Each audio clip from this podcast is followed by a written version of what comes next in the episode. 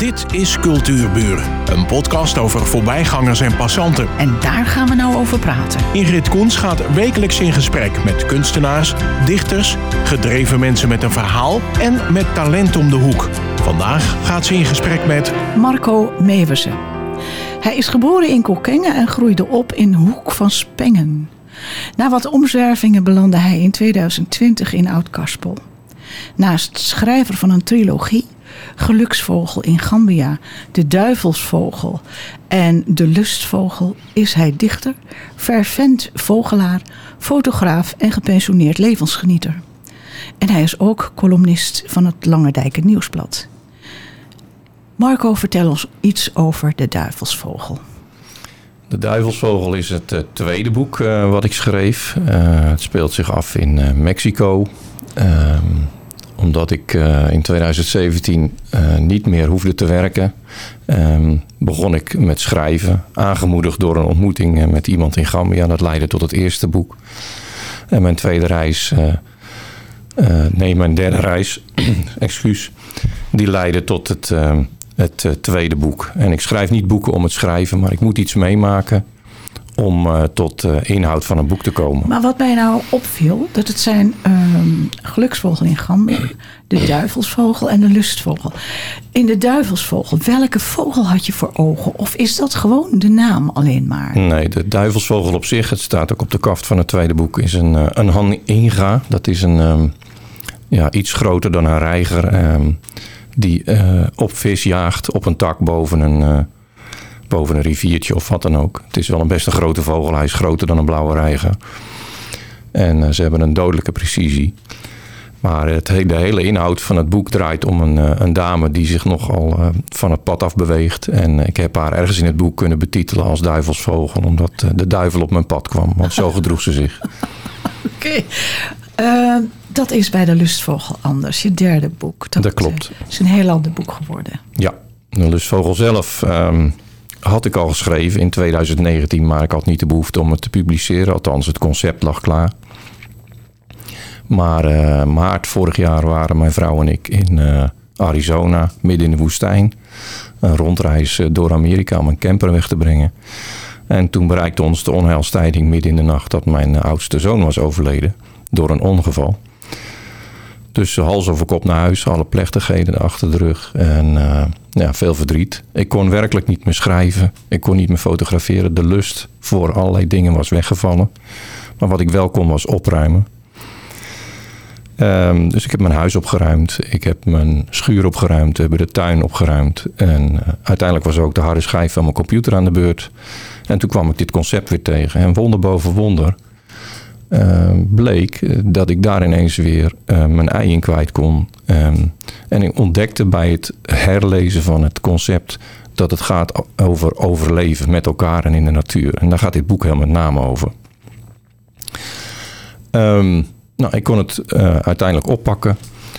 En ik heb contact met Marieke Nees in een ander verband. En die had me alles gezegd. mocht je ooit nog eens een ISBN-nummer nodig hebben kom bij mij langs en dan heb ik dat voor je. Dus daar heb ik op dat moment gebruik van gemaakt. Maar het leidde toch nog iets anders. Want Marieke zei, maar dan wil ik ook de drukkosten betalen. En nog mijn vraag, waarom dan? Uh, zei ze, ja, jij geeft al je geld wat je met je boek ophaalt aan het goede doel. Nou, dat klopt. Het is het derde boek wat naar het goede doel gaat. En dus uh, ik moest daar wel een weekje over nadenken, want ik vond het wel een heel groot uh, bedrag wat ze dan voor me schonk. Maar goed, de drukkosten zijn op haar rekening gekomen. En zo kwam de lustvogel uh, tot stand. En uh, het is opgedragen aan mijn zoon. Het gaat allerminst over mijn zoon. Het gaat alleen over overleven. En in de, in de woeste natuur van uh, West-Australië. Zou je ons een klein stukje willen voorlezen? Dat wil ik. Um, waarbij ik dan de lezer en de luisteraar even meeneem naar het begin van het boek. Wij zijn onderweg van Perth in Zuidwest-Australië naar Darwin, Noordwest-Australië. Het boek beschrijft maar een, een 72 uur, meer niet, want we zijn zeven weken onderweg geweest. Maar in die 72 uur kwam uh, alles bij elkaar. Um, u moet zich voorstellen uh, dat de natuur van West-Australië onerbarmelijk is. Je kunt niets fout doen of je wordt gestraft. Dus je, je hebt maar drie dingen om over na te denken. Heb ik voldoende water? Heb ik voldoende eten? En heb ik voldoende diesel?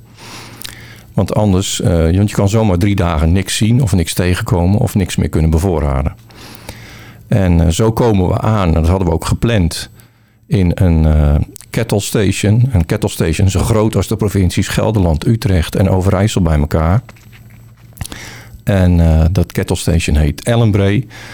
En als je dagenlang door een soort van woestenij alleen maar droogte en verbrande bomen rijdt en je komt in zo'n oase terecht, dan, dan, verandert je wereld. Dan verandert mijn wereld, maar dan gaat ook mijn uh, dichtershart open. Dus ik heb daar een kort gedichtje over geschreven en dat wil ik dan graag even voordragen. Ellen Bray. Hier ademt het zonlicht zachte stralen van omvloerst groen. Hier laat koele lucht blaadjes fluisteren. Kom hier kom je reislust lessen. Zoals dat is met oases. Ze zijn er ineens, onbestemd en paradijselijk onverwacht. Prachtig. Ja, dank je. Ja, dat komt, past heel goed bij de sfeer ook. Zeker. Uh, wilt u een boek van Marco Melissen bestellen, dan kan dat via Messenger op zijn Facebookpagina. En daar wil ik graag aan toevoegen dat het geld naar het goede doel gaat. Zeg dan ook nog even wat het kost. Het, het, kost niks. In die zin, u bent vrij om te doneren. Ik geef wel een suggestie mee over de hoogte van het bedrag. Omdat de drukkosten minimaal vergoed moeten worden.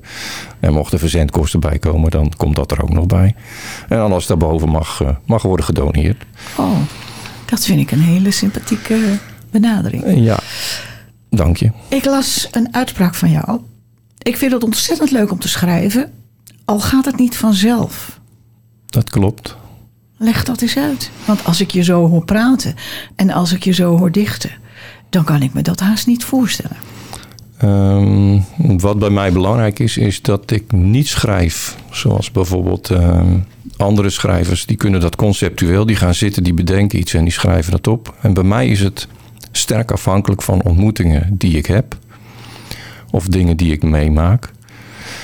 Ik kan beweren dat um, ook voor dit derde boek 85 tot 90 procent van wat er op papier staat ook daadwerkelijk is gebeurd. En um, soms verplaats ik het in de tijd, dat doet elke schrijver, maar het, het zijn wel dingen die ik meemaak. Columns in het Lange Dijkertje of het Lange Dijker Nieuwsblad, die zijn allemaal echt. Die zijn dingen die ik heb meegemaakt. Ik, ik, uh, ik kan niet schrijven waarbij ik uh, iets uit mijn duim zuig. Dat is voor mij onmogelijk. Ik combineer wel dingen. Dingen die ik eerder heb meegemaakt, of dingen die ik voel, of dingen waarvan ik vind dat ik er iets van moet zeggen. Maar dat is tijdsafhankelijk. Kortom, het komt vanzelf een ontmoeting op mijn pad waarin ik iets kan vertellen over wat me dwars zit of wat ik leuk vind. Wat is nou eigenlijk een vogelaar? Oh, dat is een goede vraag. Um, ik ben begonnen met vogels kijken door mijn moeder. Dat uh, gebeurde al uh, toen ik een jaar of zes, zeven was. Want dan kwam ik thuis van school en dan zat mijn moeder in de tuin en die voerde de mussen en de roodbosjes uit de hand. En zo leer je naar vogels kijken. Um, en als ik later, op latere leeftijd thuis kwam, nog in Kokkengen, en ik had de kranten bezorgd, dan uh, pakte ik de polstok en ging de polder in om vogels te kijken. En zo is het begonnen en het is niet meer opgehouden. Weliswaar, als je kinderen krijgt heb je minder tijd, maar uiteindelijk heb ik nu veel meer tijd. Dus ik ga nu ook werkelijk de hele wereld over om dingen te bekijken. En mee te maken om te schrijven. En als het erop aankomt, uh, leidt het soms tot een boek. Ja, ja. ja want je bent opgegroeid in uh, Hoek van Spengen. Ik had er nog nooit van gehoord. Nou, dat kan ik me voorstellen. Het is een gehucht van uh, 300 meter lang. Misschien 20 huizen als ik goed tel. dat is wel heel klein, hè? En het ligt aan het kleine riviertje De Geer. Um, wat het Amsterdam-Rijnkanaal verbindt met wat is het eigenlijk? De Amsteldrecht uiteindelijk. Um, ja, als je zo bescheiden en zo klein bent opgegroeid, um, dan leer je de wereld pas kennen als je een jaar of 18 bent en in dienst wordt opgeroepen. Ik was uh, zo bleu of blauw, zoals uh, in het Engels zeggen, maar als het maar kon zijn. En uh, ik had nog nooit een tram gezien, om maar eens iets te noemen. Oh ja, nee, logisch. Nee, en dat waren toch wel hele verrassende dingen allemaal. Maar ja, dat is goed gekomen hoor. Ja, man, ja, man van de wereld uh, hoor ik vaak, dus het zal wel. Zoals jij vertelt en waar je geweest bent. Wat ik me ook nog afvroeg, hè. Schrijf je een, een, reisboek nou onderweg of schrijf je het thuis aan je bureau? Dat is een mooie vraag. Ik, uh, ik heb altijd een aantekeningenboekje bij me. Uh, zeker als ik in een ver land ben. En wat ik aan het eind van de dag uh, doe, is dat ik in 6, 7, 10 trefwoorden opschrijf wat ik heb meegemaakt of wat ik heb ontmoet. Tenzij het een diepgaand gesprek is, zoals in alle boeken van mij steeds plaatsvindt. Er is altijd wel een keer een ontmoeting die aanleiding is om te schrijven. Um, dus ik maak korte notities. En dat leidt eventueel, dat hoeft niet altijd, tot een boek. En boekjes, het zijn geen grote dikke boeken. Het zijn 130, 140 bladzijden. Gelardeerd met vogelfoto's. Dus het zijn wel boeken met een boodschap. Dat kan ik wel vast meegeven. Ja, ja. Nou hebben we het over de twee boeken gehad. Uh, dus we hebben daar nog staan. De geluksvogel in Gambia. Dat klopt. Vertel daar eens wat over. Um, 2017 hebben we het nu over. Ik, uh, ik en mijn vrouw hadden een moeilijke periode doorgemaakt met betrekking tot onze relatie. En uh, ik bedacht dat ik eens een keer alleen op vogelreis moest. Eigenlijk gewoon alleen op reis moest. Ja, als je dan toch vogelaar bent, dan ga je naar het tweede vogelland ter wereld. Dat is dus gewoon. Oh, ja. is dat zo? Ja. Er komen zoveel soorten in voor dat je die. Je kunt er makkelijk tien keer op reis en heb je nog niet alles gezien. En ik ging het binnenland in. Um, uh, bij een, een, achteraf bleek dat een Nederlandse eigenaresse te zijn van een lodge. 65 kilometer het binnenland in aan de rivier de Gambia. Want het land Gambia betreft eigenlijk maar één rivier met twee oevers. Midden in Senegal. Um, en ik, uh, ik heb daar een hele bijzondere week meegemaakt. Omdat je, uh, ja, je ziet Afrika zoals Afrika is. En ze noemen het wel Afrika light. Maar je ziet toch ook wel de armoe. En je ziet ook de mensen. Ik zag vooral veel vogels. En wat ook gebeurde is dat ik in de lodge waar ik sliep... een drietal artsen ontmoette. En daar op een avond uh, mee in gesprek raakte. Heel diep in gesprek. En dat leidde eigenlijk tot een van de Vlaamse artsen was dat een van de artsen opmerkte: joh, jij moet wat met jouw talent doen. Want uh, waarom schrijf je dit allemaal niet op in een boek? Het zou een oh, fantastisch boek zijn. Het pas begonnen. En ik wist wel dat ik een beetje kon schrijven. Want ja, zoals dat gaat, als je handig bent met woorden, dan word je voor een clubblad gevraagd. En je wordt voor allerlei andere zaken gevraagd. Nou goed, dat is allemaal nog uh, liefdewerk, oud papier. Maar zo'n boek is toch een ander verhaal. En dat was. Uh, en dat was uh, voor mij de aanleiding om dan maar eens te pogen van zou ik een boek kunnen schrijven. Komt nog bij dat ik voor mijn afscheid bij de kustwacht in Den Helder een, van iedere bezoeker een donatie had gevraagd voor het KWF. Dat bedrag was aanzienlijk en ik heb ze beloofd dat ik dat bedrag zou verdubbelen. En uh, daar heb ik dit boek voor gebruikt. Dat is altijd gevaarlijk, hè? Want je weet nou, nooit wat ze ophalen. Nee, ja, het was een behoorlijk bedrag. Maar ik heb uiteindelijk met, met opgeheven hoofd uh, 250 stuks van de, de geluksvogel kunnen verkopen. In, uh, nou ja, kunnen slijten moet je eigenlijk zeggen. Want als je donaties vraagt, dan verkoop je niks. En ik heb um, bij het KWF uh, na een jaar tijd 5000 euro mogen wegbrengen. Oh, dat was mijn eerste mooi. succes, ja. Nou, dat was, en daar ben ik heel trots op. Ik zit hier. Ik ga best met de billen bloot, ja. Maar dat doe ik altijd. Anders kan ik niet schrijven. Dat klopt, ja. Vertel. Ik schrijf in de ik-vorm. Dat vindt niet iedereen even prettig, dat weet ik ook wel. Maar waarom niet? Uh, nou, ik hoor wel eens mensen die zeggen: ja, dat kan het nou niet in de derde persoon enzovoort. Nou, ik heb daar niet zoveel last van.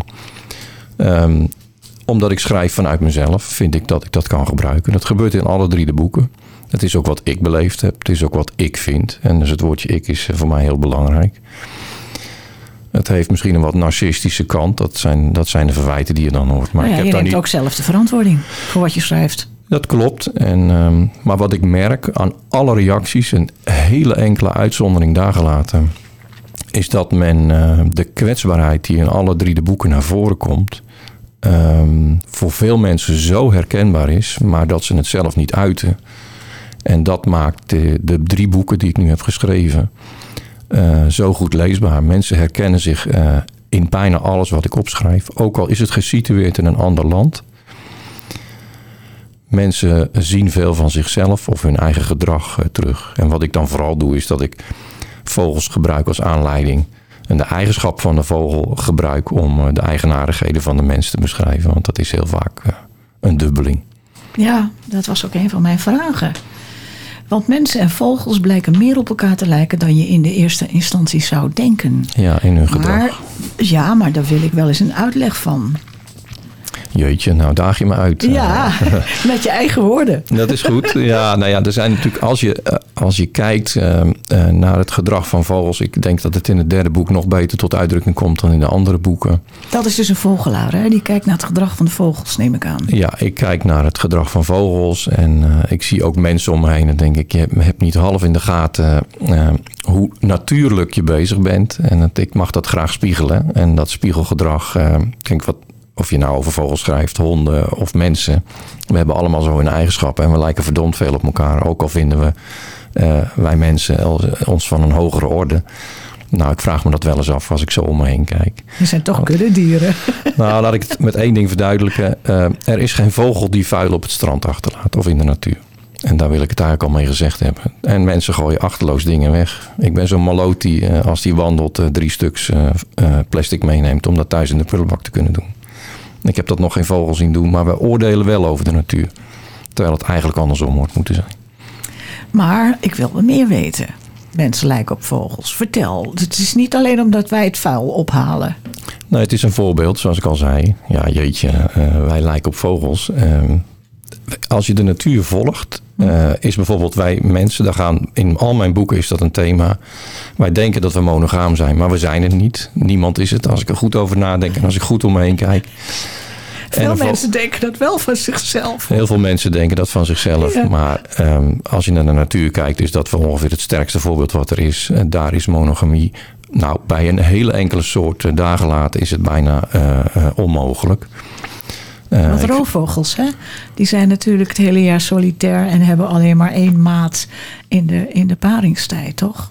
Ja, maar bijvoorbeeld een zwaan, een knoppelzwaan zoals die in Nederland kennen, die zijn hun leven uh, aan elkaar trouw. En dat is een hele hoge uitzondering. Maar een, een koolmees in de tuin, nou, uh, of een pimpelmees, geloof me, die heeft echt een vrouw pimpelmees, heeft echt wel drie of vier partners. En die mannetjes doen heel erg hun best om hun eigen jongen te, op te voeden of te eten te geven. En die hebben haar fijn door dat die andere twee helemaal niet van hun zijn. Dat Ook soort dingen. Ook dat nog, ja. Ja, dat maakt het een beetje Spannend. ja, spannend. Je moet het weten. Maar uh, ja, dat is een beetje wat ik bedoel met het gedrag van mensen en vogels. En uh, ja, je kunt, ik kan nog, uh, ik kan nu niet ter plekke zoveel voorbeelden bedenken, maar de situaties die ik in de natuur meemaak, ja, die komen heel vaak overeen met het gedrag van mensen. Het is wel leuk natuurlijk. Zeker, ja. Ik kan soms de lach niet onderdrukken. Nee. uh, waar kun je hier in de buurt nou vogels spotten? Want ik weet wel, toen ik hier in Heerhugowaard kwam wonen, toen, uh, als je dan wat brood gooide, waren er veertig mussen. Maar de mussen zijn er niet meer, want de ligusterhagen, waar we allemaal zo mooi de tuintjes mee afperkten, uh, die zijn ook weg. En daar zaten ze natuurlijk hoofdzakelijk in. Nou, al die mussen zitten nu in mijn tuin, kan ik je zeggen. Oh, nee. dus ze zijn er nog. Ja, ze zijn Doe er ze de zeker. groeten van. Ja, dat zal ik doen. Um, en in de tuin van de buurvrouw, want wij voeren kwistig en het leidt tot veel vogels. Om een klein voorbeeld te geven, ik heb in mijn tuin in de afgelopen drie jaar al meer dan 90 vogelsoorten kunnen tellen. Oh. Um, Waar zijn de meeste vogels te vinden? Nou, ik woon in een ideale plek. Mijn tuin ligt tussen water, de Allemanskerk, de begraafplaats Staar en akkerland. En we zijn, als je naar Noord-Holland kijkt en je volgt de trekroute, en dan zijn we echt wel een pleisterplaats in een tal van opzicht. Dus je vindt vogels, zeker in onze gemeente, in uh, ja, uh, bosrijkere gebieden. En de Allemanskerk is omgeven door heel veel vogels, ja, maar bomen. Dit is echt een plek die je noemt, hè? Zijn ja. er nog meer? Zijn mensen die zeggen bijvoorbeeld... ja, in mijn tuin, ik heb, een, ik heb een stenen tuin... dus ik heb geen vogels. En waar zou je nou vogels kunnen bekijken? Hier kun je echt een paar plekken noemen. Ja, ze liggen voor de hand. Uh, Diepsmeerpark, uh, Geesmer Ambacht. En uh, ik heb afgelopen weekend... met heel veel andere vogelaars... met veel genoegen naar een pestvogel zitten kijken. Ja. In, in het Diepsmeerpark. Was een van de eerste drie mensen die hem op de foto mocht zetten. En daarna volgen er veel meer, want je houdt dat niet geheim. Maar ook in het Diepsmerkpark zitten, als je ze kunt zien, want niet iedereen merkt ze op, gewoon ransuilen op minder dan drie meter van je af. Maar je moet ze wel ontdekken. En dat vind ik wel heel mooi. Dus ja, Diepsmeerpark, uh, Geesmer Ambacht, eigenlijk alle bosjes met randen. Of alle weilanden met bosranden, die kun je gewoon benutten om vogels te zien. En we hebben dit jaar, um, dit najaar en met name december is dat geweest, een hele grote, noemen ze een influx, een invasie van noordelijke vogels. Denk aan een barmseisjes en zo en uh, kramsvogels. Maar kramsvogels waren hier toch ook vaker? Ja, maar niet zoveel als nu. En dat komt omdat het al maand, meer dan twee maanden volledig eh, wit is in uh, Noorwegen, Zweden, Rusland, Finland. En die vogels die hebben voer nodig, dus die zakken af om voer te kunnen vinden. Dus we hebben een ware invasie van noordelijke soorten op dit moment. Het is best wel uh, mooi om mee te maken weer eens. En mijn vader riep altijd, ja, dat is een voorspelling van een goede winter.